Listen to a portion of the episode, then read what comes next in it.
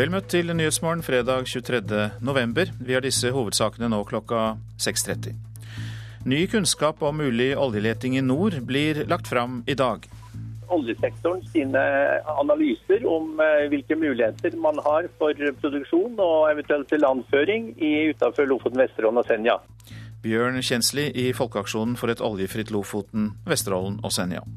Flertall i folket for væpnet politi viser meningsmåling. Kvinner og Frp-velgere de mest positive. EU-lederne har utsatt de vanskelige budsjettforhandlingene. Og eldre i Kragerø ligger i egen avføring. Uverdige forhold, sier ansatte i eldreomsorgen. Pleierne må faktisk be de om å gjøre på seg, uh, istedenfor å følge de på do, for de har ikke tid til å følge de på do. Hovedverneombud Gry Elisabeth Nilsen. I studio i dag, Øystein Heggen. Ja, Hvilke følger vil det få å lete etter olje utenfor Lofoten og Vesterålen? I dag legger olje- og energiminister Ola Borten Moe fram rapporten om dette i Svolvær. Politikere og motstandere av oljeleting i området forventer at statsråden kommer med ny kunnskap. En av dem er styreleder i Folkeaksjonen for et oljefritt Lofoten, Vesterålen og Senja, Bjørn Kjensli.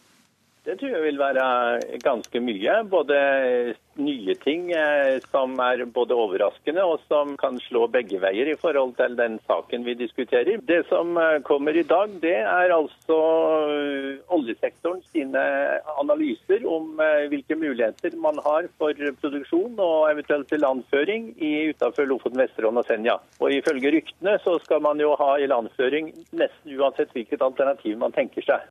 For mange politikere representerer Borten Moes presentasjon i dag startskuddet på en ny politisk debatt om oljeleting i området. Stortingsrepresentant Ivar Kristiansen fra Høyre i Nordland venter seg løfter om ringvirkninger. Men han synes ikke at denne kunnskapsinnhentinga skiller seg fra andre innhentinger som har hatt en konsekvensutredning som formål. Det ligger jo i ordet man har skaffa innhenta seg kunnskap, og så har man eh, pynta litt på, på, navn og ordbruk, sånn at eh, dette ikke skal hete konsekvensanalyse for å tilfredsstille de bitreste motstanderne i SV og Senterpartiet. Knut Eirik Olsen hadde laget innslaget, og du er også med oss eh, nå, Knut Eirik Olsen fra Svolvær. Ja, kan du si litt mer om eh, hva du tror deltakerne forventer seg? Nei, Deltakerne, som stort sett er fra regionen her, eh, ispedd eh, stortingsrepresentanter og mange konsulenter, eh, de har nok de størst forventninger til hva dette kan gi av arbeidsplasser i denne regionen. Jeg tror at vi kommer til å bli pepra med informasjon. Det er produsert en masse kunnskap fra, fra masse miljø. Ehm, det kommer ny kunnskap, tror jeg. Men om denne nye kunnskapen er med på å endre folks holdning til olje og gass, det er jeg litt usikker eh, på. Men dette er altså en sak der eh, befolkninga i nord eh, tror jeg har største interesse av å følge dette nøye. Og en av de lokale entusiastene for å få olje og gass Eh, utvikling til Lofoten og Vesterålen og Senja Ørjan Robertsen i Love Petro. Det er en eh, interesseorganisasjon. Og dine forventninger til eh, fremleggelsen, fremleggelsen til Ola Borten Moe i, i, dag, hva er det, Robertsen? Ja, Jeg har jo forventninger om at de kunnskapene som kommer på bordet i dag, skal greie å føre oss et steg videre. Vi får eh, ikke svar på eh, eventuell åpning utenfor Lofoten og Vesterålen før vi får en konsekvensutredning. Og eh, jeg som sagt regner med at de kunnskapene vi får nå, vil gjøre det enklere for folk som skal debattere disse spørsmålene, politikere etc., til å danne seg en mening om det. Hvem er denne konferansen viktigst for? Folk i nord eller oljeindustrien, som har stor interesse i å få uh, starta leting utenfor Lofoten og Vesterålen? Eh, den er viktig for alle sammen. Den er viktig for Norge som nasjon, men ikke minst er den viktig for befolkninga i Lofoten og Vesterålen. For er det noe som vi trenger i fremtida, så er det nye arbeidsplasser. Og hvis vi da får en avklaring i dette spørsmålet, så vil det være viktig. Motstanderne sier at dette er en happening for oljenæringa happening for oljenæringa. Vi, vi, får kunnskap, og eh, beslutninger bør bygges på kunnskap og mest mulig fakta. og eh, Det er det jeg har forventninger om at det blir lagt fram. Øystein, det var en av stemmene som eh, vi kommer til å høre mer ifra fremover, i tillegg til veldig mange andre. Mange takk, takk skal du ha, Knut Eirik Olsen fra Svolvær, som altså hadde med seg Ørjan Robertsen i Lofoten og Vesterålen Petro. Fem av ti nordmenn vil at norsk politi skal bære våpen. Fire av ti sier nei. Det viser en undersøkelse gjort for avisa Bergens Tidende. Kvinner og Frp-velgere er de mest positive til at politifolk skal bære våpen til daglig, viser undersøkelsen. Landsmøtet i politiets egen fagforening, Politiets Fellesforbund, sa nylig ja til bevæpning av politiet. Fire av fem kvinner som jobber deltid i omsorgssektoren vil ikke jobbe i full stilling selv om de hadde fått mulighet til det. Dette skjer til tross for at deltidsjobbing går utover både karrieremuligheter og pensjon. Det viser en ny rapport fra forskningsstiftelsen Fafo. Forskerne selv er overrasket over dette resultatet. Statslederne i EU-landene avbrøt i natt budsjettforhandlingene under EU-toppmøtet i Brussel. Forhandlingene, hvor landene skal bli enige om EUs budsjett fra 2014 og helt fram til 2020, beskrives som svært vanskelige. Statslederne skal fortsette forhandlingene i dag, og vi skal få mer om dette her i Nyhetsmorgen etter klokka sju. Så til det avisene skriver om. Må jobbe fem år ekstra etter SAS-kutt, forteller 54 år gamle Tove Smerud til Dagens Næringsliv. Hun var fem måneder for ung til å søke tidligpensjon. AFP-general mister AFP, skriver Klassekampen om LO-leder Arne Byrkjeflot i Trondheim. Frontfiguren for tidligpensjonsordningen mister den selv pga. for høy politikerlønn. Blå milliardkutt i sykelønn, skriver Dagsavisen om Høyre, Frp og Venstre. Partiene vil kutte én måned med sykelønn og innføre strengere regler for hvor mange fraværsdager hver sykdom gir. Senterpartiet holder stand som Bondepartiet med 47% oppslutning, skriver Nasjonen. På delt andreplass i undersøkelsen kommer Høyre og Arbeiderpartiet med en bondeoppslutning på 10% Føler meg ikke syk, sier hopplegenden Bjørn Wirkola, som nå er rammet av Parkinsons sykdom. Det er bare litt skjelving, sier Wirkola til Adresseavisen. Nå ser han fram til ski-VM i Val di Fiemme, der han håper å kunne være til stede. Europa brytes opp, skriver Aftenposten. Rike regioner i Spania, Belgia, Italia og Storbritannia vil bryte ut av nasjonalstaten og krever selvstendighet. Dagbladet forteller historien om et kodet postkort fra Auschwitz som reddet livet til en jødisk jente i Oslo under krigen. Inger Binding forteller hvordan hennes mor reddet sin datters liv før hun selv ble drept i utryddelsesleiren. Fredede trær ødelegger fredet teater, kan vi lese i Bergensavisen i dag.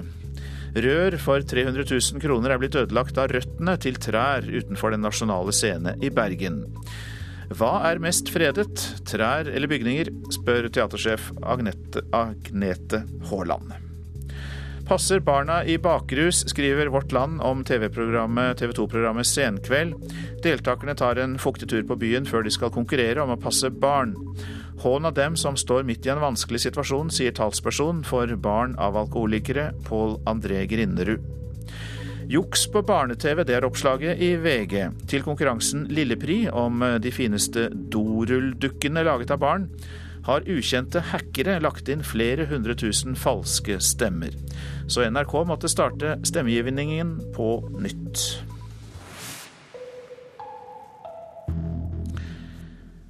Påstandene om omfattende doping blant norske langrennsløpere på 90-tallet er en tynn suppe, mener flere sportskommentatorer. I en finsk dokumentar hevder en anonym norsk kilde at gullalderen i norsk langrenn er tilsmusset av dop. En sentral kilde i norsk langrenn mener 90-tallets skihelter drev med omfattende doping. Hvis sannheten om den norske suksessen kommer ut, vil det ikke være noen vinnere, bare tapere, hevder kilden. Men flere sportskommentatorer NRK har snakka med, fester ingen lit til påstandene. blant dem sportskommentator i Aftenposten Arne Hole. Det hele forekom for meg som eh, ganske tynn suppe.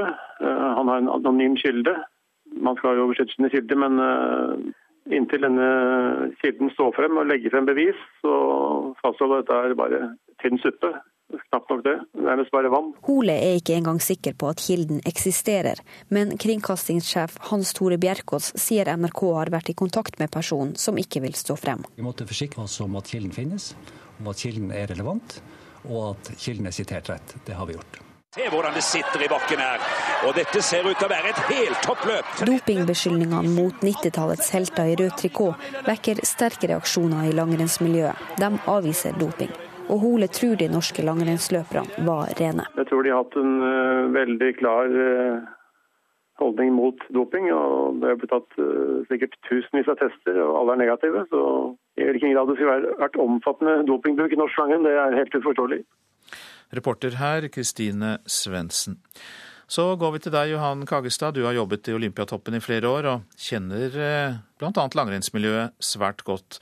Hva mener du om disse beskyldningene? For meg er de helt uh, tatt ut av luften. Uh, jeg kan uh, absolutt ikke tenke meg at dette har noe med virkeligheten å gjøre. og Det begrunner jeg bl.a. også med måten de individuelle idrettene er organisert på når det gjelder beste utøverne. De er på landslag. Eh, det betyr eh, positive ting når det gjelder miljø og trene sammen. Men det betyr også at de mm, har allokert et medisinsk eh, støtteapparat fra en pool med meget dyktige medisinere og medisinsk helsepersonell som følger disse utøverne tett opp gjennom fysiologiske og medisinske tester. Og dette støttepersonellet de ville helt sikkert oppdage eh, unormale, unormale, resultater på tester, f.eks. medisinske tester gjennom blodprøver, eh, som løperne gjennomgår regelmessig. For doping fører jo til unormale forbedringer på enkelte parametere. Og da ville man øyeblikkelig tatt affære, for dette er ikke noen lukket venneklubb. Dette er et, eh, et apparat som er der for å hjelpe utøverne eh, til å forebygge sykdom og til å til også behandle uhelse. Unormale forbedringer ville de helt sikkert tatt eh, affære med omgående. Men eh, vi har jo hørt forsikringer som har lignet på de du kom med der fra andre idretter, som seinere er blitt avslørt. Sykkel f.eks. Hva er det som skiller skiløping fra sykkel her? Jo, det, det, er det organisatoriske for Steffen Kjærgaard, som, tatt, eh, som har stått frem og innrømmet doping. Han var jo ikke en del av et norsk landslag. Han var del av et uh, amerikansk profesjonelt lag hvor det var systematisk, men hvor doping var satt i system. Så, så det er den store forskjellen. Uh, vært, jeg vil påstå at det er tilnærmet usedvanlig vanskelig for en utøver å slippe igjennom med doping når du er en del av et landslag. Og våre beste langrennsløpere på 90-tallet, de var en del av et landslag, akkurat som det er i dag. Men de var jo også usedvanlig gode. Hvorfor var de det da?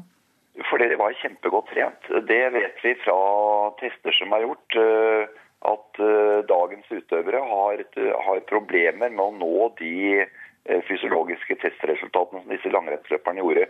Og så hadde Norge, norske langrennsløpere en liten fordel på 90-tallet det var at Norge var i forkant når det gjaldt uh, utvikling på bl.a. smøring og gli. Norge hadde et gliprosjekt som medførte at de norske løperne hadde usedvanlig god gli. Bedre gli enn konkurrentene. Og det gir en klar fordel og var sikkert medvirkende til at norske løpere gjorde det så bra som de gjorde.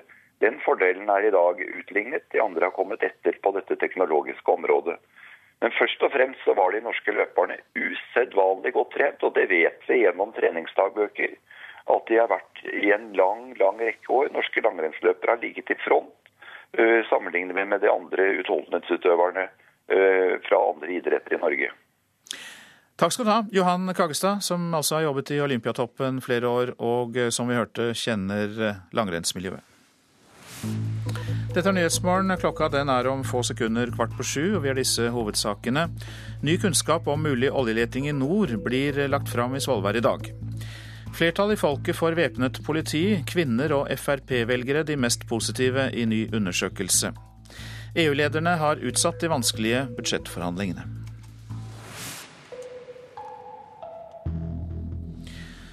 Forholdene i eldreomsorgen i Kragerø er så dårlige at mange pasienter lider, advarer de ansatte. Hovedverneombud Gry Elisabeth Nilsen sier grunnen er vikarstoppen, som har ført til at arbeidspresset blant hjemmehjelpere og sykepleiere er for stort. Altså Noe av det verste som er, er at eh, pasienter må ligge i lange tider i sin egen avføring, fordi eh, pleierne ikke har tid til å ta det sier hovedverneombud i Kragerø kommune, Gry Elisabeth Nilsen. Arbeidspresset blant hjemmehjelpen og sykepleierne i Kragerø er nå så stor at ikke de lenger har tid til å ta seg av de eldre på en faglig forsvarlig måte, sier hovedverneombudet. Dette har medført at eldre som bor på sykehjemmet, ikke får hjelp til å gå på toalettet. Pleierne må faktisk be de om å gjøre på seg, uh, istedenfor å følge de på do, for de har ikke tid til å følge de på do. Og pasientene de reserverer seg jo også nå for å, fra å få hjelp, fordi de vet at pleierne er så travle, at de har så mye å gjøre. Kragerø kommune har innført vikarstopp pga. elendig kommuneøkonomi. Karin Mobek, som er hovedtilsvalgt Norsk Sykepleierforbund, frykter at liv kan gå tapt slik situasjonen er i kommunen. Det er fordi at vi har jo ikke samme kapasiteten til å være til stede når vi ser at pasienter blir vesentlig dårligere. Hva krever Sykepleierforbundet at eh, Kragerø kommune nå må ta tak i? Nei, Jeg mener jo det at uh, Kragerø kommune faktisk må opprettholde en forsvarlig bemanning som uh, ivaretar den pasientgruppa som vi er uh, pålagt å ivareta. Ragnhild Nyseth Hoel, hva syns du om den situasjonen mange eldre nå i Kragerø opplever? Jeg syns det er uakseptabelt uansett hvor det er i Norge. For vi har det så bra her at vi, de eldre burde få den pleien de trenger. Det er forferdelig. Det er en horribel situasjon. Det er eh, kommunen og staten må se å få gjort et eller annet med det greiene her. Det er eh, skremmende. Selv om ansatte og folk på gaten reagerer kraftig på behandlingen flere eldre nå får, så kan ikke Høyre-ordføreren Kåre Preben Heggeland love mer penger til omsorg. Eh, utgangspunktet her er jo at uh politikerne har forutsatt at eh, ledelsen, særlig innenfor omsorg, at eh, de tar det ansvaret de har i forhold til både liv og helse, og ikke minst at, eh, at de eldre også får en verdig hverdag. Det er vi opptatt av. Samtidig så er kommunen i en situasjon som gjør at vi må, må ta noen tak nå, for forhåpentligvis å komme bedre ut i den andre enden.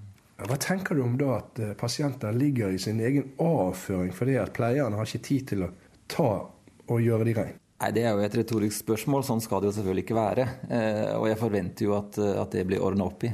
Samtidig som politikere og administrasjonen i Kragerø er klar over situasjonen, sitter det eldre og venter på å få dusje. Noe som ikke lenger er en selvfølge. I utgangspunktet skal de få dusje hver 14. dag, men det som skjer nå er jo at eh, det kan bli så sjelden som hver tre uke, eller kanskje til og med sjeldnere enn det. Hovedverneombud Gry Elisabeth Nilsen til slutt. Reporter i Kragerø var Kurt Inge Dale. 22 år gamle Robert Liland, som ble mobbet på barneskolen, har saksøkt Søgne kommune i Vest-Agder. Nå får familien hans flere henvendelser i uka fra foreldre som ber om råd i mobbesaker. Moren hans, Ann Kristin Liland, savner en mobbetelefon som kan gi foreldre råd og tips. Det burde i hvert fall, om det er statlig eller hvordan de vil organisere det, det vet jeg ikke. Men det burde være et sted det gikk an å henvende seg og få råd i mobbesaker og etter mobbesaker, og når senskadene kommer. Ann-Kristin Liland i Søgne har tatt opp kampen mot sønnens mobbing. Etter at familien sto fram i NRK, har hun fått flere henvendelser. Da hadde jeg en telefon fra en mor som står i det samme som vi sto i for ni år siden, som ikke fikk den hjelpa hun skulle. Og hvordan gjorde hun nå, hvem og hva og hvor og alt dette her. Så det har jeg siden svart på i dag. Sønnen Robert ble mobba på barneskolen. Det førte til at han ble 30% ufør. Nå krever 22-åringen oppreisning og 900 000 kroner i erstatning fra Søgne kommune. Liv Landås i kommunen sier at de tar søksmålet til etterretning men de hadde håpet å unngå at saken havna i retten. Men vi det, hadde jo håpa at vi hadde unngått dette. Men Hva kunne dere ha bidratt med for å unngå det? Ja, vi har i grunnen hatt en så nøye gjennomgang at vi har gjort det vi har kunnet, tenker vi, i forhold til det. Saken starter 5.2 i Kristiansand tingrett neste år. Mamma Ann-Kristin Liland ser fram til å bli ferdig med denne saken. Jeg ser fram til en rettssak på den måten at vi nå kan få, fortalt Robert sin historie, som er veldig vanlig, og som 40 000 barn opplever i skolegården hver uke. Så Derfor så er det viktig, samtidig så er det viktig å få plassert skylda og skamma der hun hører hjemme, og fortalt historien og få satt et punktum for denne saken, sånn at vi kan komme oss videre og bygge oss opp igjen. Er det mulig? Jeg er ganske sikker på at det er mulig. Eh, Robert er i behandling nå, og vi har fått beskjed om at det vil ta sånn ca. fem år å få han på beina igjen. Og tenk, det tror jeg er helt riktig, men vi må ta små steg. Det er vel et krav på 900 000 kroner mot Søgne kommune. Hva er viktigst, pengene eller det å vinne rettssaken? Altså det, det å, å, få en oppreisning er det viktigste. Men samtidig så har Robert så store skader at han aldri har klart å fullføre noe utdannelse. Han har to barn, så han trenger et sted å bo, og han trenger penger for å få det til. Så disse tingene henger sammen. Ann Kristin Liland til reporter Lars Eie. Mangfold i norsk film er tema nå. En rapport om dette ble lagt fram denne uka. Regissører utenfor Oslo var spente på innholdet, men etter å ha lest rapporten så mener de at den ikke vil hjelpe fram filmmiljøet utenfor hovedstaden. Vi har satt ned et utvalg med representanter fra hele Film-Norge, nettopp for å komme med konkrete forslag til eh, hvordan vi kan få en filmpolitikk som gjør at det blir fortalt historier fra hele Film-Norge. Det sa daværende kulturminister Anniken Huitfeldt til NRK i juli etter at regissører utenfor hovedstaden gikk hardt ut mot en for Oslo-sentrert filmbransje. Denne veka var rapporten klar. Jeg skal ikke si at arbeidsgruppa er eh, innkjevetta, for de har noen poenger. Men den er blitt altfor utvanna. Slik reagerte filmprodusent Odd Hynnekleiv da han las rapporten. På 32 sider har utvalget greid ut for mangfoldet når det kommer til minoriteter, kvinner og geografi mellom de som skaper film, ser på film og i innholdet i filmene. Det var å ta for hardt i, mener filmskaperen fra Kristiansand. Mens utgangspunktet skulle være at man skulle snakke om distriktene, så er det blitt veldig lite om distriktene og veldig mye om andre ting. For å bedre det geografiske mangfoldet foreslår utvalget at regionale filmsenter skal fordele all støtte til kortfilm, samt å legge til rette for at de kan gi støtte til utvikling av manuskript til kino og TV-drama. Fordelinga av penger til langfilmproduksjon vil de beholde slik som i dag, hos Norsk Filminstitutt. Må mer midler ut til distriktene, til spillefilm. Det er tross alt Eliteserien i film. I 2011 fikk bare én film som var produsert utenfor Oslo støtte fra NFI. Og slik vil det fortsette uten klarere grep, tror Hundekleiv. Eh, hvis det hadde vært lignende tiltak innenfor omtrent alt annet av kultur eller idrett i dette landet, ville det blitt ramaskrik. Innenfor fotball f.eks. At det skal sitte noen i Oslo som skal tilrane seg 80-90% av ressursene. Også det er klart at eh, For regionene som ønsker et styrket miljø for sin del, eh, så er det lett å forstå at de ønsker seg økte budsjetter. Eh, men dette må jo veies opp imot hva bransjen totalt sett også trenger. Det sier leder for utvalget bak rapporten, Nina Grünfeldt. Hun er ikke enig med filmskaperne om at tiltakene vil ha liten effekt. Vi mener og tror at hvis man kan iverksette flere av disse tiltakene og la de virke over tid, så tror vi at det vil kunne avstedkomme endring og økt mangfold. Ja, Det er noe som heter at uh, da djevelen ville at ikke noe skulle skje, så nedsatte han en komité. Det synspunktet kom fra Odd Hynnekleiv, reporter Maria Pile Svåsand. En halv million norske TV-seere mister tilgangen til flere av kanalene til TV 2. Grunnen er at forhandlingene mellom TV 2 og selskapet Kanal Digital brøt sammen i natt. TV 2 Nyhetskanalen, TV 2 Filmkanalen og TV 2 Bliss blir borte for Kanal Digitals kunder. Fra før har de mistet TV 2s sportspakke og TV 2 Sebra. I flere fylker er det misnøye med hvordan Den kulturelle skolesekken fungerer. Alle skoleelever i Norge skal kunne møte profesjonell kunst og kultur gjennom Den kulturelle skolesekken. Men nå lager flere fylker alternative opplegg for at elevene skal få et større utbytte, og at også andre i lokalsamfunnet kan dele opplevelsen.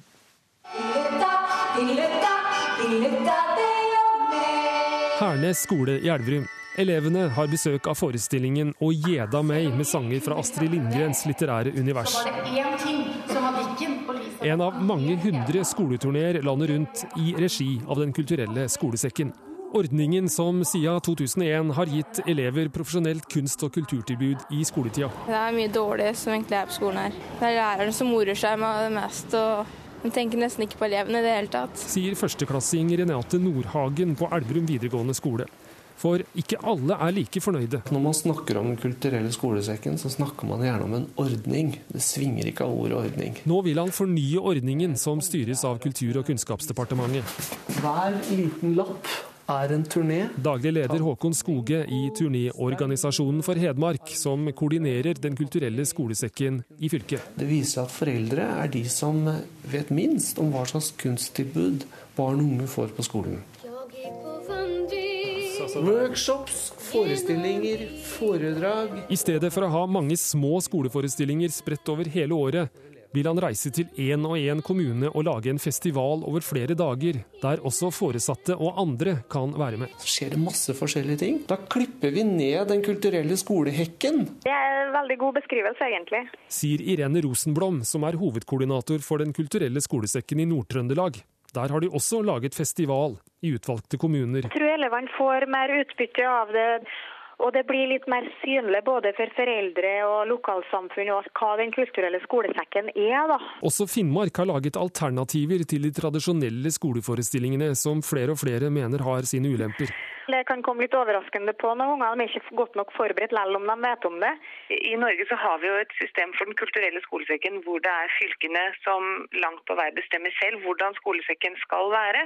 Og det viktigste målet er at den når ut til alle elevene. Hvordan de velger å løse det, eh, er jo opp til dem selv. Sier faglig leder for Den kulturelle skolesekken, Vera Michaelsen. Hun tar kritikken til etterretning og sier det er viktig å utvikle Den kulturelle skolesekken framover.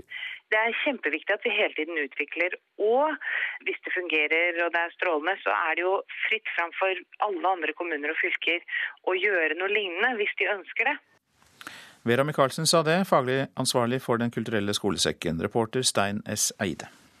Så et værvarsel. Jotunheimen og Langfjella sørlig sterk kuling og snø. Regn i lavereliggende områder. Skyet eller delvis skyet, enkelte snøbyger. Rondane, fjellstrøkene Dovrefjell, svenskegrensen, fjellstrøkene Trollheimen, Strynefjell. Sørlig sterk kuling og oppholdsvær. Østlandet, på kysten liten kuling, spredt regn. Fra i formiddag sørlig stiv kuling på kysten. Regn vest for Mjøsa. Fra seint i ettermiddag også regn videre østover. Telemark, på kysten liten kuling. I formiddag øking til sørlig stiv kuling på kysten og regn. Seint i ettermiddag lettere vær. Agder, på kysten stiv og kortvarig sterk kuling og regn. Fra i ettermiddag minkende til bris. Enkelte regnbyger. I kveld blir det oppholdsvær øst i Agder. Så var det Rogaland. Der blir det sørlig liten kuling. Fra i ettermiddag sørvestlig frisk bris. Regn, seinere regnbyger. Snøbyger i høyereliggende strøk. Fra i ettermiddag utrygt for torden i nord. Hordaland sørlig opp i stiv kuling. I ettermiddag dreiende sørvestlig. Regn, seinere regn og haglbyger. Snøbyger i høyereliggende områder.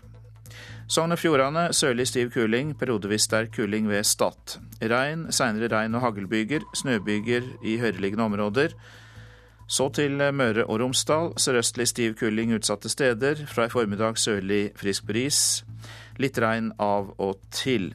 Trøndelag sørøstlig stiv kuling utsatte steder. I kveld dreiende sørlig og minkende. Tilskyende og utrygt for litt regn. Helgeland, Saltfjellet og Sørsalten øking til sørøstlig stiv kuling utsatte steder. Stort sett pent vær. I kveld muligheter for litt regn. Nordsalten, Ofoten, Lofoten og Vesterålen. Østlig liten kuling. Fra i ettermiddag stiv kuling utsatte steder. Delvis skyet vær. Troms sørøstlig liten kuling utsatte steder. Fra i ettermiddag stiv kuling og i kveld sterk kuling. I grensestrøkene litt snø. Vest-Finnmark østlig liten kuling. I kveld sørøstlig sterk kuling. For øvrig stort sett pent. Og Øst-Finnmark og Finnmarksvidda stort sett skyet vær, skyet oppholdsvær med enkelte snøbyger på kysten.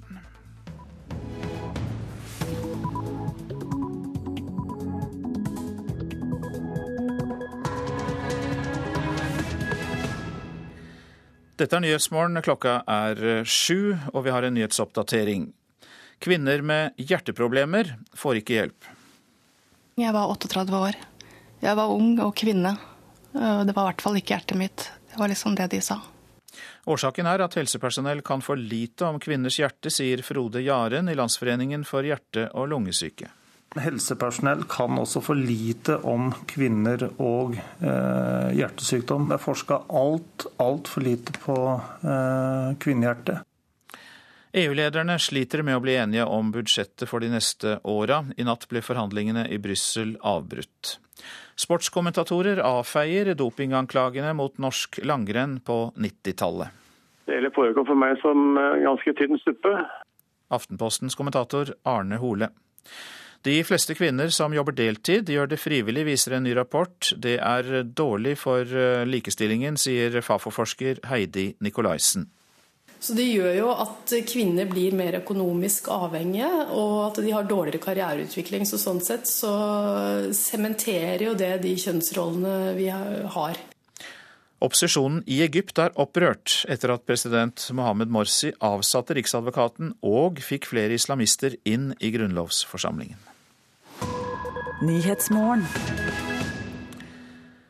Kvinner med alvorlige hjerteproblemer får ikke hjelp fordi helsevesenet kan for lite. Det mener Landsforeningen for hjerte- og lungesyke.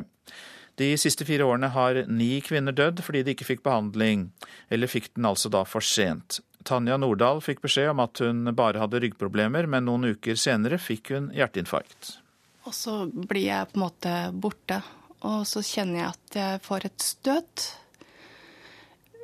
Og da våkner jeg, og så får jeg høre at da var jeg på vei til å bli borte. Det var hjertet som holdt på å stoppe. Og det er vondt å tenke på. Jeg syns det.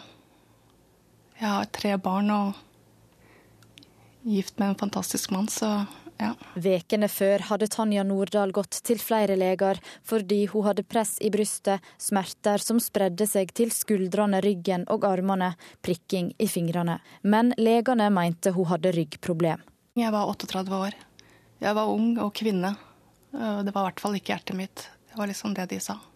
Vi har sett mange tilfeller eh, på at kvinner ikke blir eh, tatt på alvor sier Frode Jaren, generalsekretær i Landsforeninga for hjerte- og lungesyke. Helsepersonell kan også for lite om kvinner og eh, hjertesykdom. Det er forska alt, altfor lite på eh, kvinnehjerte. For symptomer hos menn og kvinner med hjertelidinger er ofte helt ulike. Hjertesykdom hos kvinner kan være litt vanskeligere å oppdage eh, enn hos eh, menn. De har langt mer diffuse Eh, symptomer. 25 kvinner og pårørende har fått erstatning de siste fire åra grunnet forsinka diagnose av hjerteliding, ifølge Norsk pasientskadeerstatning. Ni av kvinnene døde fordi behandlinga kom for seint. Dette er hendinger som kunne vært unngått, sier kommunikasjonssjef Øydis Kastberg. I flere av sakene så er det misforståtte symptomer. Eh, så med en bedre oppfølging, tettere oppfølging og raskere oppfølging, så kunne disse skadene og dødsfallene ha vært unngått. For Tanja tok livet ei brå vending. Hverdagen er blitt annerledes. Hun må gå på medisiner for å holde hjertet i sjakk. Jeg tenker at det mye av det kunne vært unngått hvis de hadde tatt meg på alvor. Når du tenker etterpå at de avviste deg bare, liksom, og det kunne gått veldig ille. Reporter Eirin Årdal. Nå til deg, professor i forebyggende medisin ved Universitetet i Tromsø, Maja Lisa Løken. Du har forsket på forekomst, risikofaktorer og kjønnsforskjeller for hjerteinfarkt. Og vi kan for lite om hjertesykdommer hos kvinner, sier Landsforeningen. Hvorfor er det ikke forsket mer?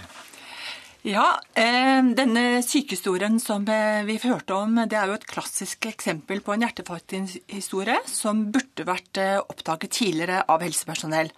Men er ikke, det er ikke vanlig at helsepersonell ikke forstår at en person har hjerteinfarkt. Og at helsepersonell kan for lite om hjertesykdom i sin alminnelighet, det er ikke riktig. Og det forskes masse på dette. Bare i år så er det publisert over 250 artikler om hjerteinfarkt og kjønnsforskjeller.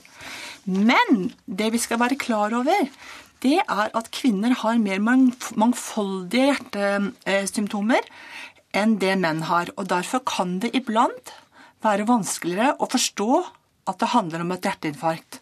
Men så hørte vi også denne pasienten si at eh, jeg var ung og kvinne, og det kunne i hvert fall ikke være meg. Ligger det noe der også, at det er så lite vanlig at man ikke tenker i den retning?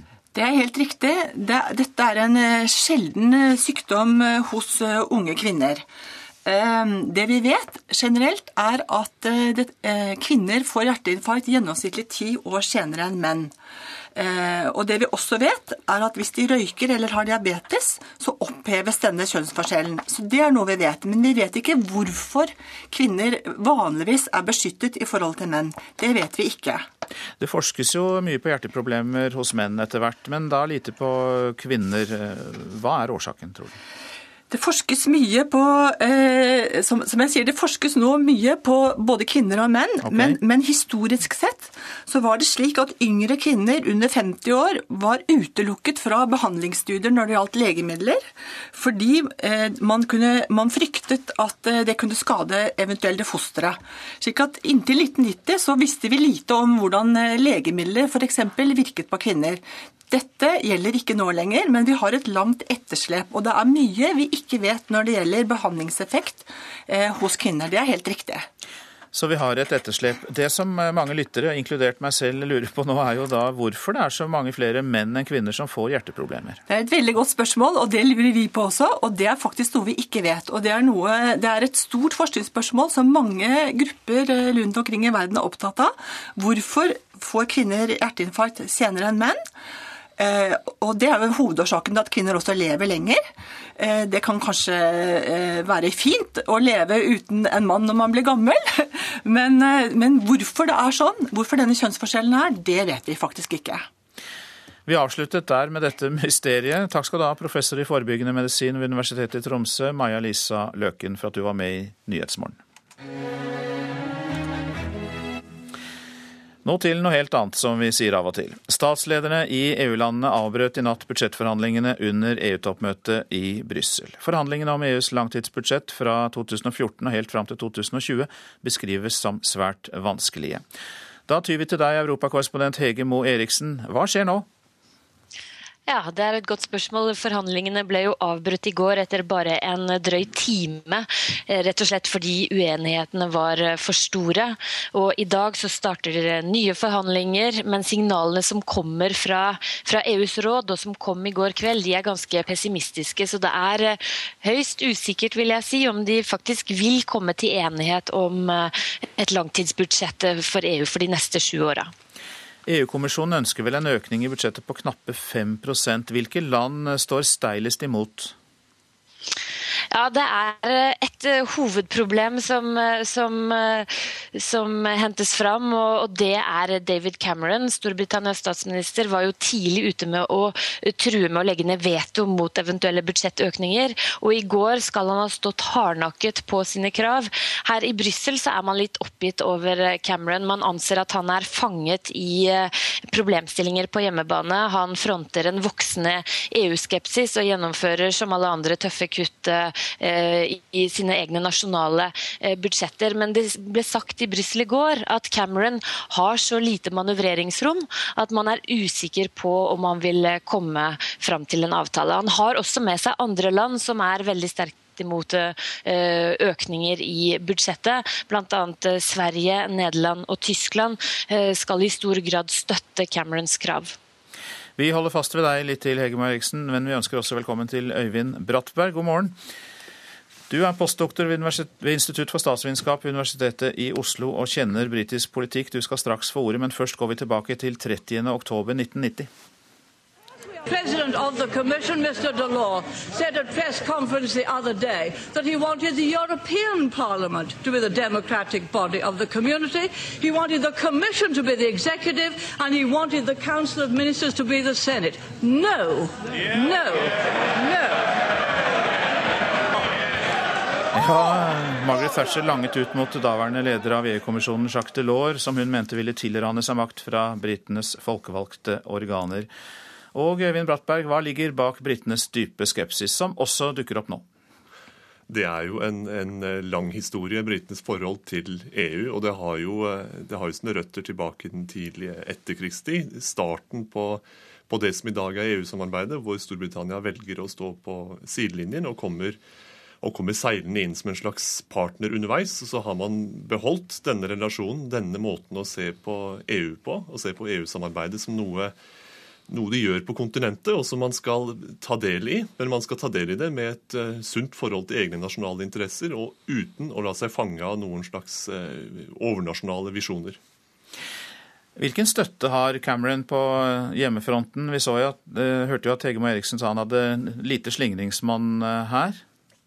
Han har uh, stor støtte, eller er hardt presset, alt ettersom hvordan du ser det. De henger i hvert fall i, i frakkeskjøtene hans med et ønske om at han skal stå knallhardt på disse økonomiske kravene. og kort og godt kravet om at Storbritannia ikke skal yte mer til budsjettet enn de gjør til det inneværende. Og så er det spesielt et fokus på denne såkalte rabatten, som gir Storbritannia noe tilbake for, eh, for, de bidragene de gir. Ja, la oss ta den, fordi det var jo en rabatt som Margaret Thatcher skaffet Storbritannia, så vidt jeg vet. Eh, en rabatt når det gjelder britenes bidrag til EU-budsjettet. Hvordan klarte hun det? Det er jo et pussig konsept i utgangspunktet, dette at man skal få en, en, eh, slags refusjon eller tilbakebetaling for sitt bidrag.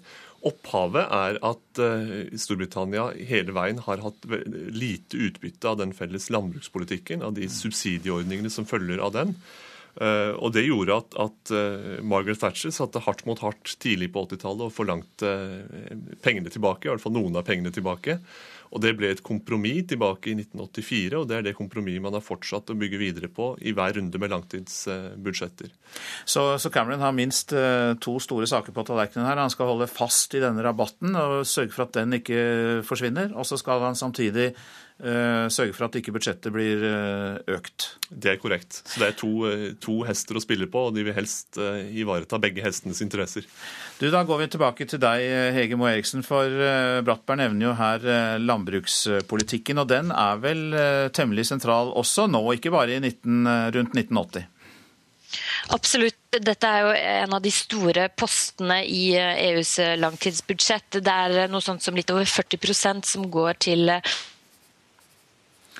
der forsvant hun. Kanskje kommer hun tilbake? Til landbruksstøtte. Der, ja. Og mange av eh, landene som ønsker at eh, langtidsbudsjettet skal Hører dere meg nå? Vi hører deg litt, litt, til og fra, men vi, vi fortsetter. Altså, du, du, fikk i hvert fall fram at 40% av budsjettet går til eh, landbruk, og at dette da åpenbart fortsatt er veldig viktig. Absolutt, det er veldig viktig, men det er nå mange land som, eh, som, ønsker da at langtidsbudsjettet skal bli mindre. og En av de postene som man ønsker å kutte i, er nettopp landbruk. Sverige f.eks. Eh, sier at eh, man må kutte i disse sjenerøse ordningene og heller prioritere forskning og innovasjon som kan gjøre EU mer konkurransedyktig i forhold til Kina og USA. Eh, Frankrike motsetter seg dette veldig sterkt. Eh, franske bønder mottar jo de største ytelsene fra EU. Og Hollande, Frankrikes president, har sagt at han vil blokkere eh, eventuelt forsøk på å kutte i denne landbruksstøtten. Så eh, dette er en floke som det er vanskelig å finne en farbar vei ut av. Jeg beit meg merke i noe du sa i Dagsrevyen i går, Hege Moe Eriksen. For det er jo ikke bare en konflikt om penger, sa du da. Det er også noe konflikt om eh, prinsipper her. Ja, Dette reflekterer jo denne kampen eh, om, i EU som, som, har pågått nå helt siden krisa eh, startet. EU-parlamentets eh, president Martin Schulz sa det på den måten. Han sa la oss være ærlige, dette handler ikke om penger, det handler om ideologi. Og I stor grad så handler det om hvilken vei EU skal ta. Det handler om solidaritet i Europa og i hvilken grad landene faktisk er villige til å stå sammen og betale den regninga som, som, det koster. Og Vi ser jo nå dype splittelser eh, mellom nord og sør, eh, og, statsledere som, som, presses på hjemmebane både i forhold til å betale inn til EU når de selv gjennomfører kutt, og i forhold til at de fronter en, en voksende EU-skepsis, som statsminister Cameron gjør i Storbritannia.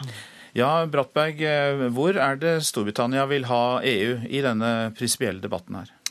Det er et veldig interessant poeng, fordi eh, denne diskusjonen om budsjettene handler sant nok om eh, solidaritet og om en, en omfordeling fra eh, rike medlemsland i nord spesielt til fattigere medlemsland i sør. Men samtidig handler det også om prinsipielle spørsmål som, som Hegemo Eriksen sier, om hva man ønsker EU skal gjøre. Og når Storbritannia kritiserer den felles landbrukspolitikken, så er det ikke kun fordi britene selv har et lite og effektivt landbruk. Det er også fordi man mener at det er feil bruk av penger. Altså at det er eh, markedsvridende, at det er ineffektivt. At det, er, at det ville være mye mer hensiktsmessig for EU å forsøke å stimulere, som svenskene også har vært inne på, forskning, innovasjon, verdiskaping, effektivisering. Og den posisjonen den, den holder både EU-skeptikere og EU-positive i Storbritannia veldig hardt på. Så det er, det er noen, noen eh, premisser om hvordan man mener at EU kan forsterke sin økonomiske slagkraft. Og der står f.eks. franskmenn og briter på ganske ulike planeter. Vi må runde av, men Øyvind Brattberg, kort spørsmål til slutt til deg. Tror du de blir enige til slutt om dette langtidsbudsjettet? Det er jo en, en, som alltid en tautrekning til siste slutt. Vi får, eh, vi får håpe at de, de, blir det, for det er mange som trenger positive nyheter fra Europa.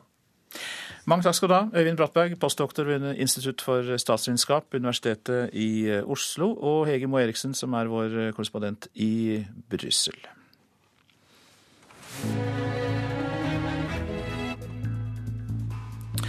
Du lytter til Nyhetsmorgen, og klokka den går mot 7.17. Vi har disse hovedsakene. Helsepersonell kan for lite om kvinners hjerter. Det fører til at mange med alvorlige problemer ikke får hjelp. EU-lederne sliter med å bli enige om budsjettet for de neste årene, som vi hørte, og eh, forhandlingene ble altså avbrutt i natt. Blir tatt opp igjen senere i dag. Og mange begynner tidligere og tidligere med julehandelen. Mer om det litt seinere. Omsorgsyrker for kvinner er fortsatt deltidsfeller, og det har både arbeidsgivere og kvinner som jobber der selv skylden for, viser en ny rapport fra Fafo. Selv om det går utover karriere og pensjon, så ønsker fire av fem kvinner som jobber i deltid å fortsette med det. Forsker Heidi Nikolaisen syns det er overraskende. Ja, I lys av omlegging av pensjonssystemer og all oppmerksomheten som har vært rundt det, så er jeg kanskje litt overraska, og, og, i og for seg at vi også vet at mange ekteskap eh, oppløses. Så det, det gir jo en stor risiko for at du får en økonomisk vanskelig situasjon. Det er stor forskjell på omsorgsyrker og andre yrker når det gjelder deltid. En ny rapport fra Fafo prøver å finne ut hvorfor så mange vil jobbe mindre. Mer tid til familie, fritid og hjem er hovedbegrunnelsene. Her er typiske svar fra intervjuene. Jeg har rett og slett ikke lyst. Jeg får gjort masse annet. Jeg er klar over at jeg taper på det økonomisk, men begrunnelsen for å jobbe redusert handler jo om ungene. Og da, om muligheten til å få større pensjon skal være viktigere enn ungene mine sitt behov per i dag, det blir ikke riktig for meg. Dårlig nytt for likestilling, mener en av forskerne bak rapporten, Heidi Nikolaisen. Altså, Når kvinner jobber deltid, så får de også lavere inntekt. og de jo, Det er jo en rekke trygdeytelser som er inntektsbasert, og da får man jo også lavere uttelling eh, der, f.eks. på pensjon. Så det gjør jo at kvinner blir mer økonomisk avhengige, og at de har dårligere karriereutvikling. Så sånn sett så sementerer jo det de kjønnsrollene vi har. Det har vært mye fokus på uønska deltid, men 80% av deltida som jobbes, er faktisk frivillig. Mens kvinner i andre yrker velger å jobbe deltid i kortere perioder mens de har små barn, vil flesteparten av de som jobber på sykehjem og hjemmesykepleien, fortsette å jobbe deltid selv etter at barna er store. Så lenge det går bra økonomisk, ser jeg ikke noen grunn til å slite meg ut 100% For det er slitsomt med turnusarbeid, egentlig. Det forteller en 45 år gammel hjelpepleier. Hun er gift, har et voksent barn og to i tenårene. Men det er turnus i mange andre yrker. Leger, industriarbeidere, ambulansepersonell og mange journalister jobber i turnus, men svært sjelden deltid. Arbeidsgivernes forventninger har stor betydning for om en faktisk jobber deltid. Disse deltidskulturene og heltidskulturene er ganske seige, så det, dette her har det også gjort andre studier på som viser at eh, kvinnelige legestudenter har, har, et ønske, en del av dem, om å jobbe deltid, men at de ikke gjør det fordi det ikke ligger i den arbeidsorganiseringen og arbeidskulturen som er i legeyrket å jobbe deltid. Forteller arbeidslivsforsker Nikolaisen. For pasienter og eldre på sykehjem er det bedre om de som jobber der, jobber full tid. Heidi Nikolaisen vil helst holde seg unna privatlivene til omsorgsarbeidere, men har følgende råd til arbeidsgiverne. Arbeidslivet er jo en mer legitim arena å blande seg inn i politisk enn privatlivet. Så man kan begynne kanskje med å ha en stor bevissthet på å lyse ut hele stillinger. Prøve å få til det. Reportere her Linda Reinholdsen og Katrin Hellesnes. SAS presenterer i dag 45 nye flyruter fra Norden eh, i, som da skal settes i gang fra 2013, skriver Aftenposten. 17 av de nye rutene blir fra Norge. Storsatsingen skal eh, sammen med andre tiltak bidra til økt inntjening for SAS. Høyre vil likevel ikke gå inn for dobbeltspor mellom de store byene på Østlandet innen 2025. Høyre-leder Erna Solberg innrømmer at jernbanesatsingen blir for ambisiøs. Nå er målet å få intercitybyggingen ferdig til 2030 i stedet. Det blir ingen streik blant maskinistene etter at Norges Rederiforbund og Det norske maskinistforbund ble enige om en ny tariffavtale i natt. Dermed går trafikken med Kiel-fergene som normalt.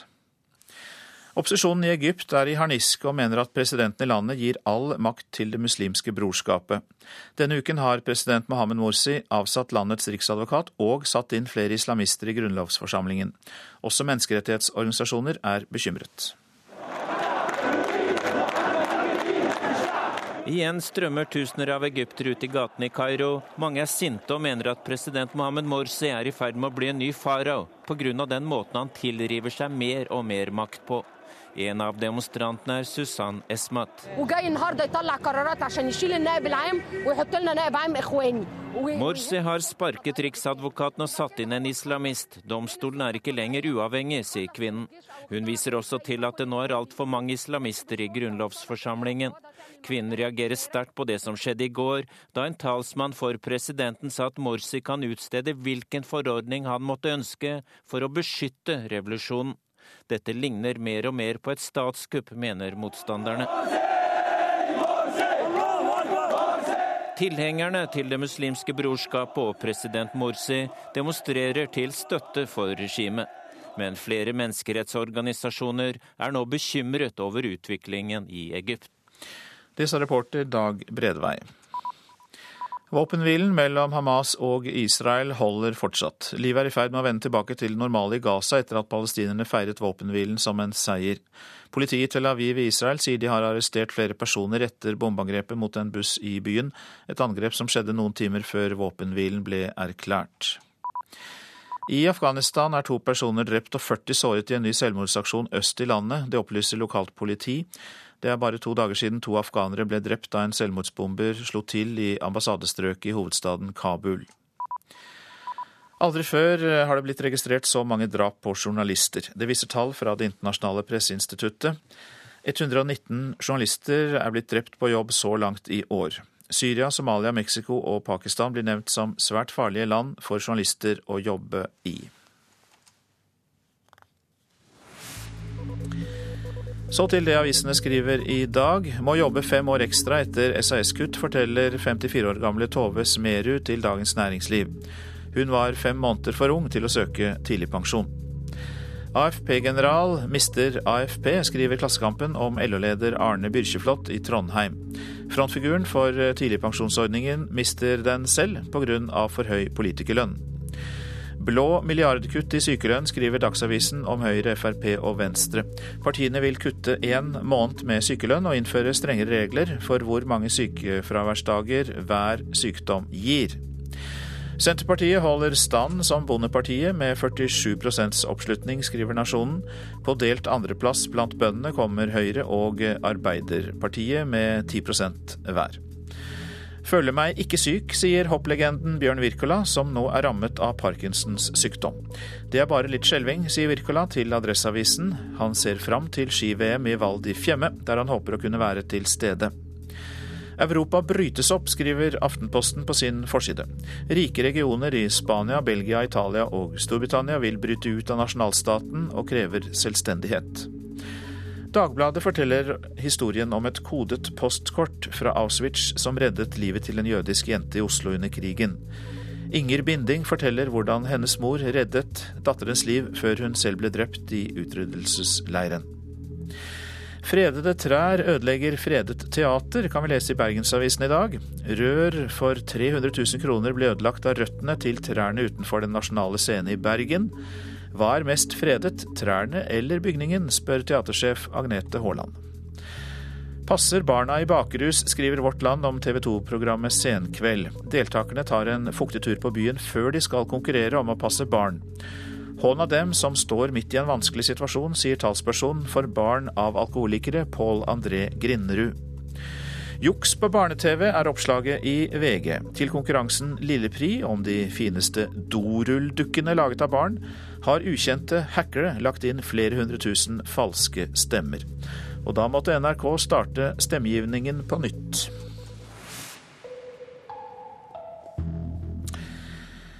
Julehandel i november, ja det er blitt mer og mer vanlig. Ved Kvadrat i Sandnes og Rogaland handlet kundene sist uke for 20% mer enn normalt eh, ellers i året. Og eh, ved andre sentre merker de at folk eh, forbereder seg til jula.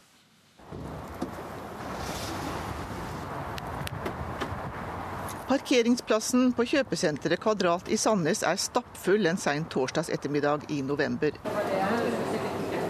Inne er kundene i full gang med julehandelen. Egentlig så liker jeg å begynne før, for når november kommer så syns jeg det er så mye jul ute at jeg ikke alltid finner det jeg vil ha. Ja, jeg prøver å holde meg litt tidlig, så det ikke blir for mye kaos på slutten. Jeg har starta julehandelen i dag, ja.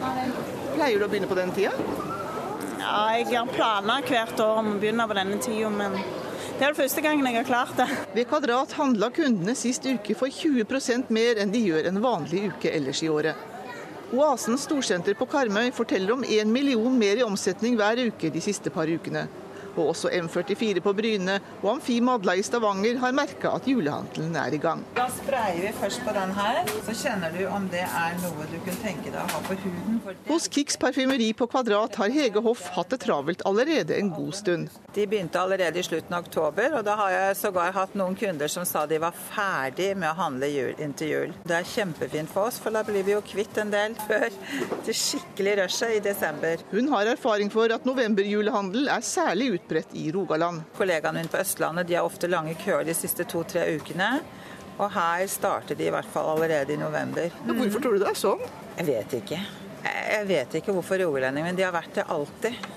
Sånn at ofte når vi liksom som kjede skal få julepapir og sånn litt senere i desember, så må vi alltid ut og kjøpe fordi vi må ha før. Jeg vet ikke om det har noe med været her, at de går inne når det er regn og vind. Kundene på Kvadrat har flere gode grunner for å starte jula tidlig. Jo, jeg syns det er greit å ha desember måned med ro hjemme og ikke noe stress.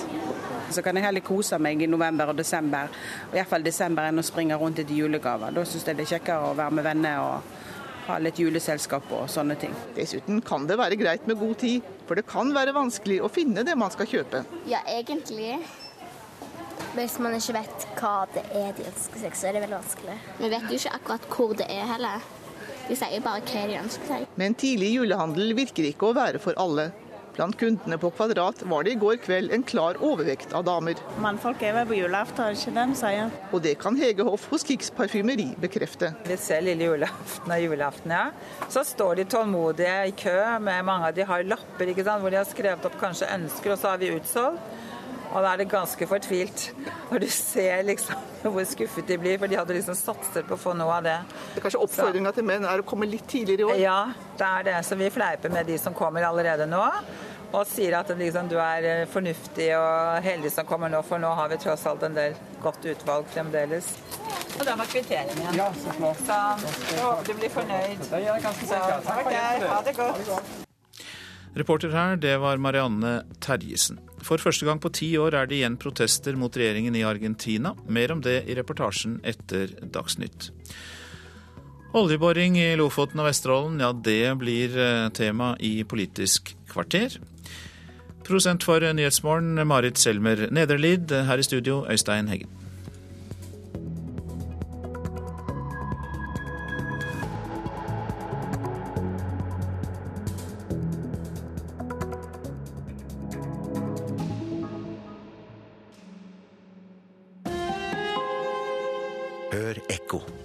Var tysk soldat i Norge under krigen, og han fikk barn med kokka på nabogården. Mange år senere sporer gutten opp sin ukjente far og sender et brev. Men hva syns den tyske familiefaren om å bli oppsøkt av en mørk fortid han helst vil glemme? Ekko 9 11 i NRK P2.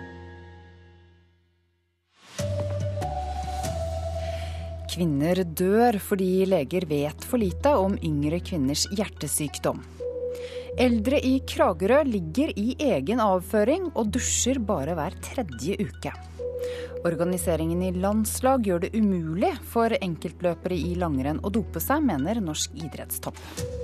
Her er NRK Dagsnytt klokken 7.30. Kvinner med alvorlige hjerteproblemer får ikke hjelp fordi helsevesenet kan for lite. Det mener Landsforeningen for hjerte- og lungesyke. De siste fire årene har ni kvinner dødd fordi de fikk behandling for sent. Tanja Nordahl fikk beskjed om at hun bare hadde ryggproblemer. Noen uker senere fikk hun hjerteinfarkt. Jeg var 38 år. Jeg var ung og kvinne. Det var i hvert fall ikke hjertet mitt. Det var liksom det de sa. Men legene tok feil. Tanja Nordahl gikk i flere veker med press i brystet, smerter som spredde seg til armene, skuldrene og ryggen, prikking i fingrene. Ryggproblem, mente legene, men en natt blir smertene så voldsomme at hun blir sendt rett på sykehus. Og så blir jeg på en måte borte, og så kjenner jeg at jeg får et støt. Og da våkner jeg, og så får jeg høre at da var jeg på vei til å bli borte. Da holdt hjertet faktisk på å stoppe? Ja. Vi har sett mange tilfeller eh, på at kvinner ikke blir eh, tatt på alvor. Sier Frode Jaren, generalsekretær i Landsforeningen for hjerte- og lungesyke. Han tror noe av årsaka er at symptomer hos kvinner og menn er så ulike. Helsepersonell kan også for lite om kvinner og eh, hjertesykdom. 25 kvinner og pårørende har fått erstatning de siste fire åra grunnet forsinka diagnose av hjerteliding, ifølge Norsk pasientskadeerstatning. Ni av kvinnene døde fordi behandlinga kom for seint. Dette er hendinger som kunne vært unngått, sier kommunikasjonssjef Øydis Kastberg. I flere av sakene så er det misforståtte symptomer, eh, som med en bedre oppfølging, tettere oppfølging og raskere oppfølging, så kunne disse skadene og dødsfallene ha vært unngått. Når du tenker etterpå at de avviste deg bare, liksom, og det kunne gått veldig ille. Reporter her var Eirin Årdal. Symptomene på hjertesykdom hos kvinner er fortsatt vanskeligere å tyde enn menns symptomer, sier professor i forebyggende medisin ved Universitetet i Tromsø, Maja-Lisa Løken. Kvinner har mer mangfoldige hjertesymptomer enn det menn har. og Derfor kan det iblant være vanskeligere å forstå at det handler om et hjerteinfarkt. Det forskes nå mye på både kvinner og menn, men historisk sett så var det slik at yngre kvinner under 50 år var utelukket fra behandlingsstudier når det gjaldt legemidler, fordi man fryktet at eh, det kunne skade eventuelle fostre. Slik at Inntil 1990 så visste vi lite om hvordan eh, legemidler f.eks. virket på kvinner. Dette gjelder ikke nå lenger, men vi har et langt etterslep. Forholdene i eldreomsorgen i Kragerø er så dårlige at pasientene lider, sier de ansatte. Hovedvernombud Gry Elisabeth Nilsen sier grunnen er at kommunen har stoppet å bruke vikarer, og det fører til at arbeidspresset blant hjemmehjelperne og sykepleierne er for stort. Altså Noe av det verste som er, er at eh, pasienter må ligge i lange tider i sin egen avføring, fordi eh, pleierne ikke har tid til å ta det sier hovedverneombudet i Kragerø kommune, Gry Elisabeth Nilsen. Arbeidspresset blant hjemmehjelpen og sykepleierne i Kragerø er nå så stor at ikke de lenger har tid til å ta seg av de eldre på en faglig forsvarlig måte, sier hovedverneombudet. Dette har medført at eldre som bor på sykehjemmet, ikke får hjelp til å gå på toalettet. Pleierne må faktisk be de om å gjøre på seg, uh, istedenfor å følge de på do, for de har ikke tid til å følge de på do. Og pasientene de reserverer seg jo også nå for å, fra å få hjelp, fordi de vet at pleierne er så travle, at de har så mye å gjøre. Men Høyre-ordfører Kåre Preben Heggeland kan ikke love mer penger til omsorg. Eh, utgangspunktet her er jo at uh, politikerne har forutsatt at ledelsen, særlig innenfor omsorg, at uh, de tar det ansvaret de har i forhold til både liv og helse, og ikke minst at, at de eldre også får en verdig hverdag. Det er vi opptatt av. Samtidig så er kommunen i en situasjon som gjør at vi må, må ta noen tak nå, for forhåpentligvis å komme bedre ut i den andre enden. Reporter i Kragerø var Kurt Inge Dale. Til Egypt nå, for Egypts president gir all makt til Det muslimske brorskapet. Det mener opposisjonen. Denne uken har president Mohammed Morsi avsatt landets riksadvokat og satt inn flere islamister i grunnlovsforsamlingen. Igjen strømmer tusener av egyptere ut i gatene i Kairo.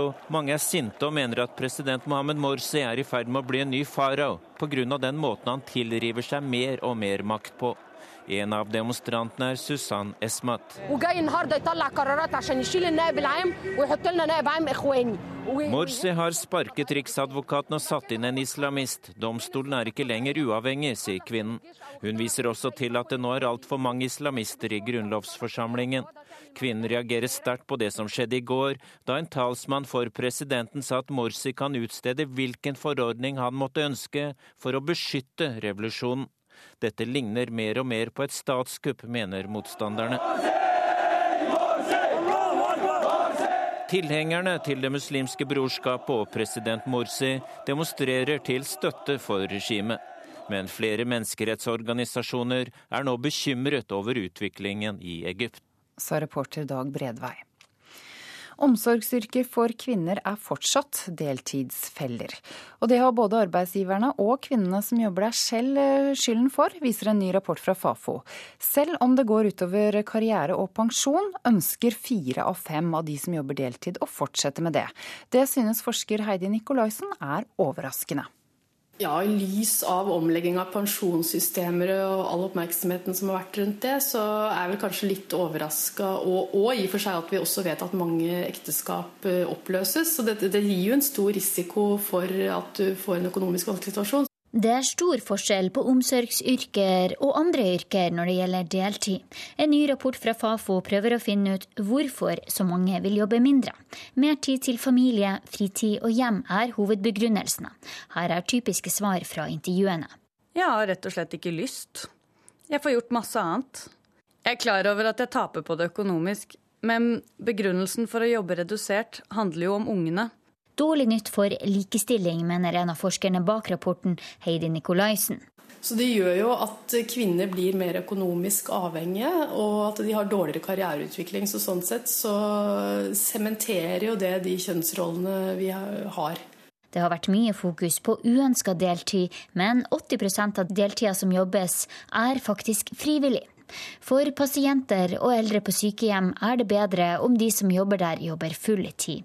Heidi Nikolaisen vil helst holde seg unna privatlivene til omsorgsarbeidere, men har følgende råd til arbeidsgiverne. Man kan begynne kanskje med å ha en stor bevissthet på å lyse ut eh, hele stillinger. Reportere Linda Reinholdsen og Katrin Hellesnes. Det er usannsynlig at norske langrennsløpere har dopet seg. Det mener Johan Kaggestad, som har vært aktiv i Olympiatoppen. En finsk dokumentar hevder at det var omfattende dopingbruk blant norske langrennsløpere på 90-tallet. Nå slår langrennsmiljøet tilbake. For meg er de helt uh, tatt ut av luften. Uh, jeg kan eh, absolutt ikke tenke meg at dette har noe med virkeligheten å gjøre. Johan Kaggestad mener det er utenkelig at norske langrennsløpere skal ha drevet omfattende doping, slik en anonym kilde hevder i den finske dokumentaren 'Når heltene lyver'. Norjan hiihtomaajoukkueessa merkittävässä roolissa toiminut lähteemme. Kaggestad har jobbet i Olympiatoppen i flere år og kjenner langrennsmiljøet godt. Han sier dopingbruk ville ha blitt oppdaget i det tette landslagsmiljøet.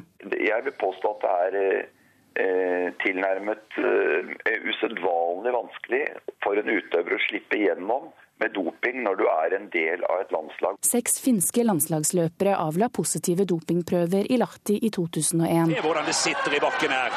Og dette ser ut til å være et heltoppløp. 13... Beskyldningene om doping i Norge har fått det norske langrennsmiljøet til å reagere. Tidligere langrennsløpere, Skiforbundet og sportskommentatorer sier påstanden er feil. Det hele foregår for meg som eh, ganske tynn suppe. Eh, han har en anonym kilde.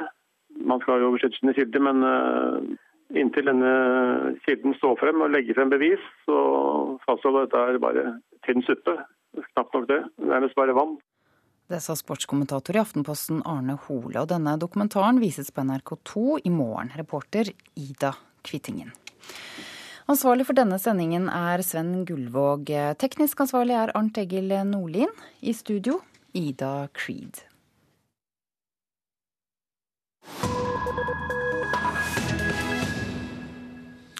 Dette er Nyhetsmorgen. For første gang på mer enn et tiår har Argentina denne uken opplevd en generalstreik. Protestene retter seg mot regjeringen og president Cristina Fernandez Kirchner, og um, hun har nå også fått noen av sine tidligere allierte i fagbevegelsen mot seg.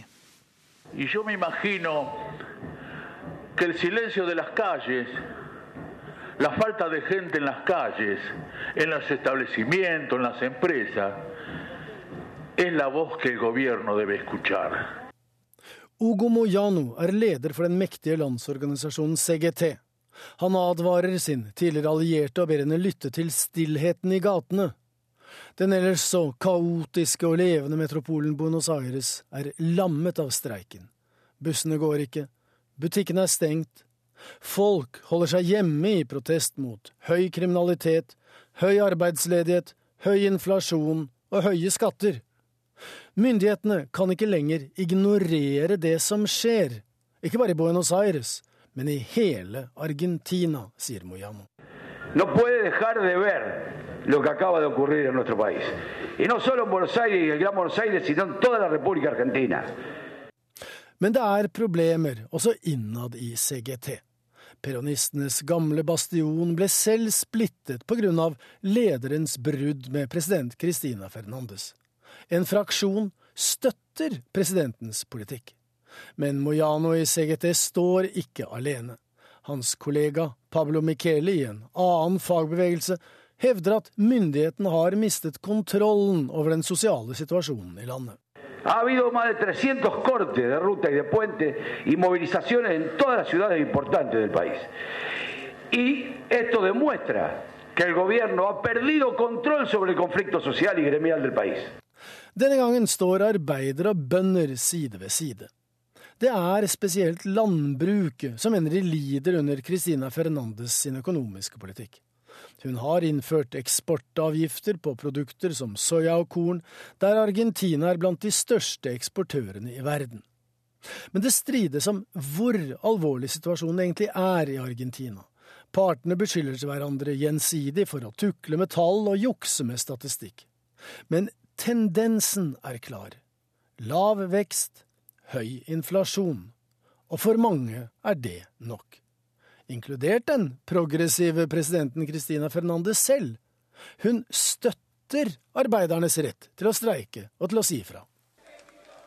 Yo estoy de acuerdo, quiero decirles, con el derecho a huelga. ¿Cómo no estar con el derecho a los trabajadores a expresarse libremente en sus demandas? Men legger til at det kan ikke skje på den måten det protesteres på i Argentina i 2012. Man kan ikke komme med blokader og trusler og presse folk fra å møte opp på jobben, sier Kristina, som ble gjenvalgt med overveldende flertall i fjor, og som også har tatt i bruk Facebook, der hun forklarer sitt syn og maner arbeiderne til å vise moderasjon og tilbakeholdenhet. Pero no con el corte, con el bloqueo, con la amenaza, con la presión. Que otro vaya a trabajar con los registrados. Tidligere i år vedtok nasjonalforsamlingen i Argentina å senke stemmerettsalderen ved kongressvalgene om to år fra 18 til 16 år, noe mange kommentatorer ser på som et forsøk på å styrke president Kristinas maktbase. Og det kan hun trenge dersom hennes støttespillere skal klare å få i stand en grunnlovsendring, slik at hun kan gjenvelges for en tredje periode i 2015, noe som utvilsomt vil føre til økte motsetninger i et allerede hardt prøvet land. Sa utenriksmedarbeider Joar Hoel Larsen. Dette er Nyhetsmorgen med disse overskriftene i dag. Helsepersonell kan få lite om kvinners hjerter. Det fører til at mange med alvorlige problemer risikerer ikke å få hjelp. Eldre i Kragerø ligger i egen avføring og dusjer bare hver tredje uke. Vikarstopp er årsaken, mener verneombud. Organisering i landslag gjør det umulig for enkeltløpere i langrenn å dope seg, mener norsk idrettstopp. Programleder for Politisk kvarter, det er deg, Bjørn Myklebust. Og i dag åpnes døra for en ny kamp om oljeutvinning i Lofoten og Vesterålen. Ja, Regjeringen skal fortelle hva som blir konsekvensene hvis man åpner for leting. Man har kalt det kunnskapsinnhenting, men er det bare kamuflasje? Kan dette være snarveien til oljeutvinning?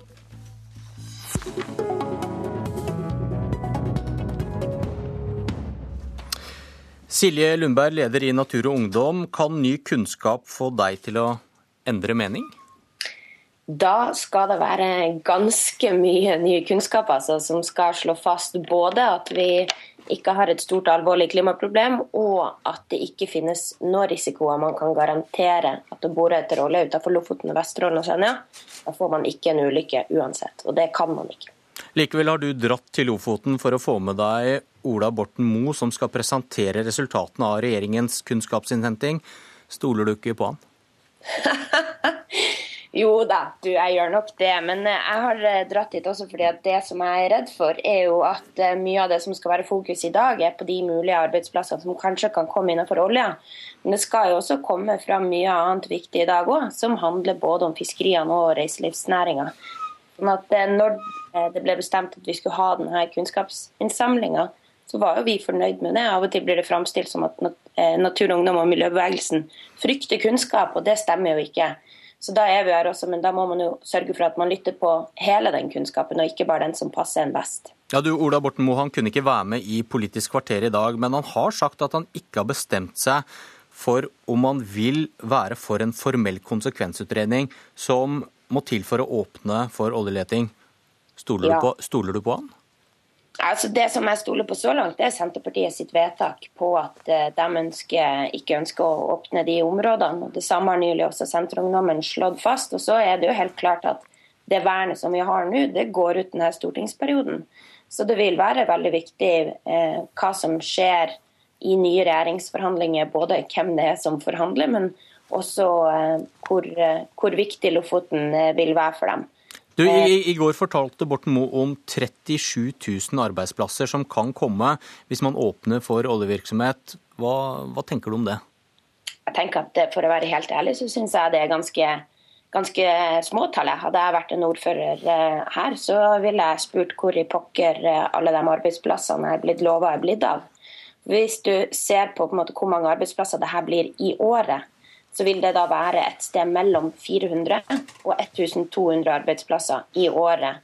Um, og det er både i Nordland og i Troms. Og Her har man hatt Statoil som har reist rundt, man har hatt Norsk olje og gass som har reist rundt, og de har lova 4000 arbeidsplasser i året. De har lova uendelig mye olje og gass. sånn at her vil jeg også tørre å påstå at denne rapporten den viser at en del av uh, av de fabelfortellingene som har kommet både fra Statoil, men også eh, andre oljeinteresser, de stemmer ikke. og Nå er det på tide at landsdelens eh, politikere de skal våkne opp. Du, ser du på denne runden med kunnskapsinnhenting som fordekt konsekvensutredning? Altså, der er det Det er jo helt klart at den kunnskapen som man får i de her to prosessene, er kunnskap som kan puttes på en måte inn i en inn i en konsekvensutredning. Det skal jeg ikke si noe på. Men det som er den store forskjellen Vi er jo ikke mot en konsekvensutredning pga. den kunnskapen du får, men det handler om den politiske intensjonen som ligger bak. Og Da er det noe veldig forskjell med den politiske intensjonen som ligger bak denne kunnskapsinnhentinga, og det som man har når man setter i gang en eh, konsekvensutredning med sikte på å åpne områdene. Så Der er det en veldig stor forskjell. Og så vil jeg tørre å påstå at Når du først har tatt det steget og sier at du ønsker å åpne de her områdene for olje- og gassvirksomhet, så har det ikke så mye å si om den kunnskapsinnhentinga tar ett år eller to år på bakgrunn av hvor mye kunnskap du har fra før. Nikolai Astrup, du sitter i energi- og miljøkomiteen for Høyre. Enda en ny runde med kunnskapsinnhenting kunne vel være et greit kompromiss mellom Høyre og Venstre etter valget neste år, for å skyve på en sak det uansett er umulig å bli enige om? Jeg mener at regjeringen nå har skjøvet på denne saken lenge nok. Eh, vi kunne ha satt i gang en konsekvensutredning istedenfor en kunnskapsinnhenting. Eh, når det gjelder å samle inn kunnskap, så går jo det ut på det samme, men en kunnskapsinnhenting er en konsekvensutredning uten mulighet for å trekke en konklusjon.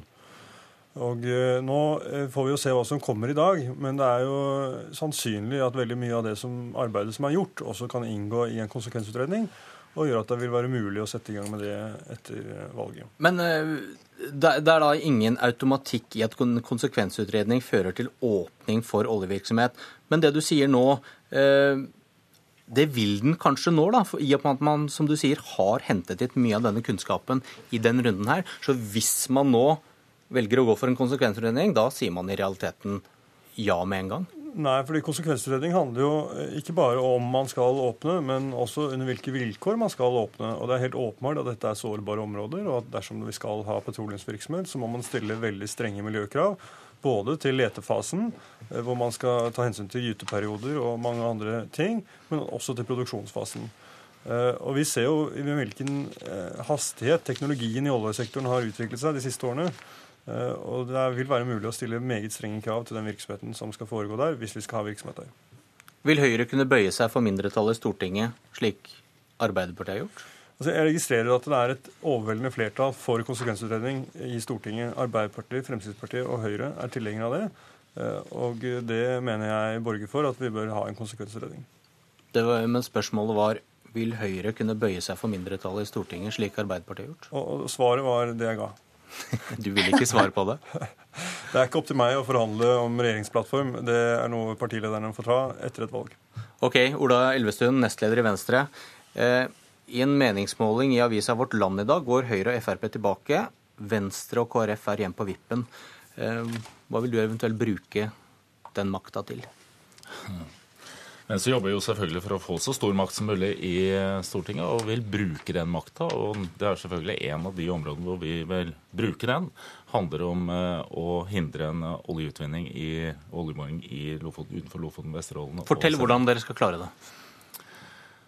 Det er et politisk håndverk som eh, jeg tror ikke det er mulig å fortelle helt eksakt hvordan man bruker. Det jeg må si, er at vi går til valg selvfølgelig med, en, med et tydelig standpunkt. Det gjorde vi forrige gang. Det kommer vi til å gjøre også inn i denne valgkampen. Og det denne, også, disse, denne kunnskapsinnhentingen viser, det er jo bare at selv om man ikke i denne perioden får en konsekvensutredning, så er jo ikke kampen om hva som skal kunne skje utenfor Lofoten, Vesterålen og Senja over.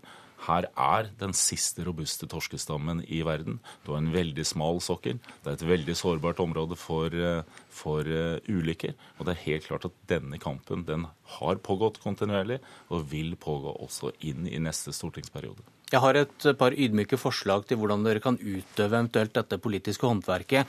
Det ene er om du vil sitte i en regjering som eh, sier ja eller nei til oljeutvinning. Og det andre er å samarbeide med en regjering om et statsbudsjett, med en regjering som sier ja til oljeutvinning, og da finner seg et annet flertall enn Venstre? Du, det er ingen annen måte å si dette på enn at dette er et uh, område. Dette er en sak som er veldig viktig for Venstre, og som vi kommer til å legge stor tyngde i. Men du kan si, du kan si at dere sitter ikke i en regjering som vil gå for en konsekvensutredning? Eh, jeg vil, si det det før, jeg vil si at Venstre vil bruke den makten som vi måtte ha, og den vi jobber for å få etter valget.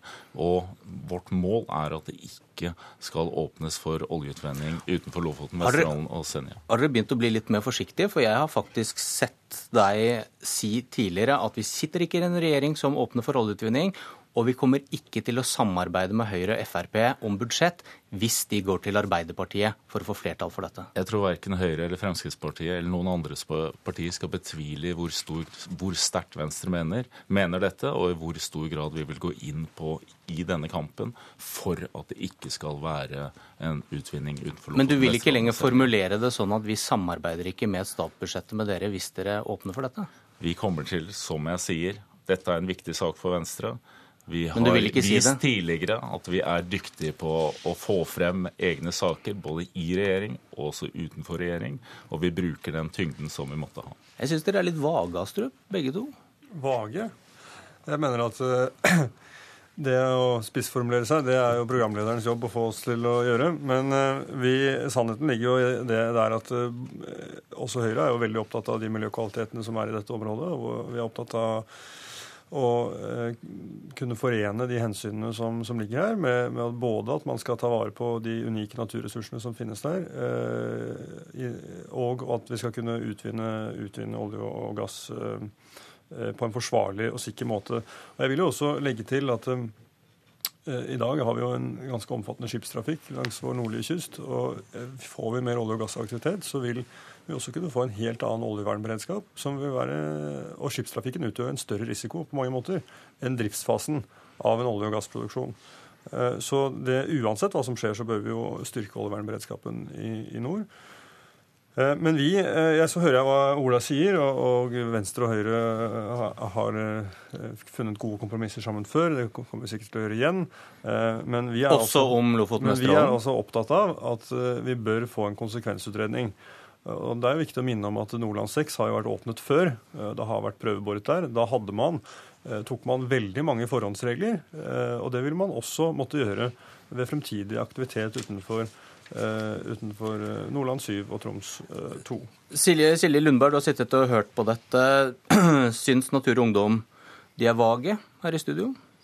Ja, så Jeg skulle gjerne sett at man kunne vært enda tydeligere. Jeg mener det er viktig for denne debatten også, for at den skal pågå på en redelig måte. Men det som jeg ønsker altså Jeg tror jo at dersom, eh, dersom, man skal vinne den her på nytt, og dersom det nå blir et eh, borgerlig skifte, så er vi helt avhengig av at eh, mellompartiene, både Venstre, men også KrF, er tydelige og setter ganske hardt mot hardt i dette spørsmålet. Det tror jeg var den måten man greide å, å vinne på når man hadde når man hadde med rød-grønn regjering, og det er den måten man må gjøre det på med borgerlig også.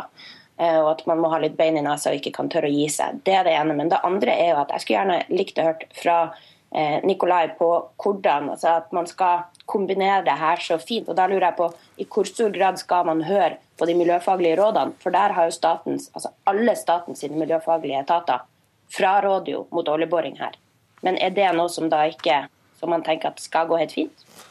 Vel, jeg mener at Det er måter å komme seg rundt dette på. og Det handler om hvilke krav man stiller til den aktiviteten som skal utføres. Eh, komiteen var for et par år siden eh, på tur til England, hvor vi besøkte et oljefelt som ligger i en nasjonalpark. Eh, og i, en marin nasjonalpark.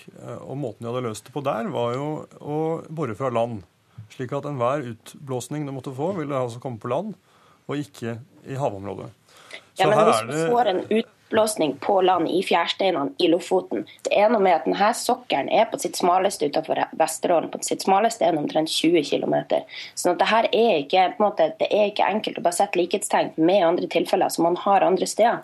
Og Der er det noe av det som på en måte, man må også tørre og, eh, og, være ærlig på den konflikten som både er med fiskeriene. Én ting er jo hvis det går skikkelig galt og du får en utblåsning, men noe annet er jo bare den arealkonflikten du har. Noe annet er den når du skal skyte ned seismikken, som du må fortsette å skyte også etter at du har installasjonene på plass for å overvåke hva som skjer i reservoarene. Så har du en konflikt med fiskeriene, og du har en konflikt med reiselivet. Der har vi i dag nesten 6000 arbeidsplasser bare i Lofoten, Vesterålen og Senja. Hvis det er noe som skal ofres for 400 arbeidsplasser innenfor oljenæringa, da syns jeg at man har eh, fått et Norge som er på ganske feil kurs. Ola Elvestuen, det er blitt gjort noen store oljefunn, bl.a. på Sverdrup-feltet. Eh, tror du det gir deg drahjelp i å la Lofoten Vesterålen ligge? Fordi oljeindustrien har andre ting å drive med? Det er klart at det er veldig stor aktivitet i norsk oljenæring eh, for tiden. Det er i Nordsjøen, og det er det også nordpå. Eh, og sånn sett så mener jeg også at selv fra bransjens side så er det, ingen, det er ingen noe eget behov for å åpne opp Lofoten, Vesterålen og Senja. Og jeg syns også at vi skal ta inn over hele den klimadiskusjonen som vi er inne i, hvor det også viser helt tydelig at vi kan jo faktisk ikke ta opp og bruke alle kjente oljereserver. Og er det ett område hvor vi ikke bør utnytte i Norge, så er det nettopp dette viktige området utenfor Lofoten, Vesterålen og Senja. Det vi finner for tiden på norsk sokkel, det er olje. Det vi trenger å finne, det er gass. Og det er lovende, lovende, lovende områder i nord. Eh, for det. Og grunnen til at vi må finne det, er fordi gass er en viktig bro til fornybarsamfunnet i Europa. Og det er viktig at Norge klarer å opprettholde den gassproduksjonen vi har i eh, noen tiår eh, fremover. Og selv med de nye funnene vi har funnet i sør, så er det jo slik at oljeproduksjonen i Norge Den langsiktige tendensen er at oljeproduksjonen er på hell. Slik at det er spørsmål om hvor mykt vi skal lande, ikke, ikke om vi skal lande. Men, eh, men eh, Sverdrup-feltet er mye større enn Lofoten-Vesterålen, er det ikke det? Altså, eh, Nå vet vi jo ikke helt hva som finnes i Lofoten og Vesterålen foreløpig. Bortsett fra at det er lovende områder, sier oljeselskapene. Og som sagt, vi har altså 8000 km med rørledninger i Nordsjøen. Skal de ha en verdi, må vi fylle dem med noe. Kanskje blir det gass. Takk for debatten. Politisk kvarter er slutt. Jeg heter Bjørn Myklebust.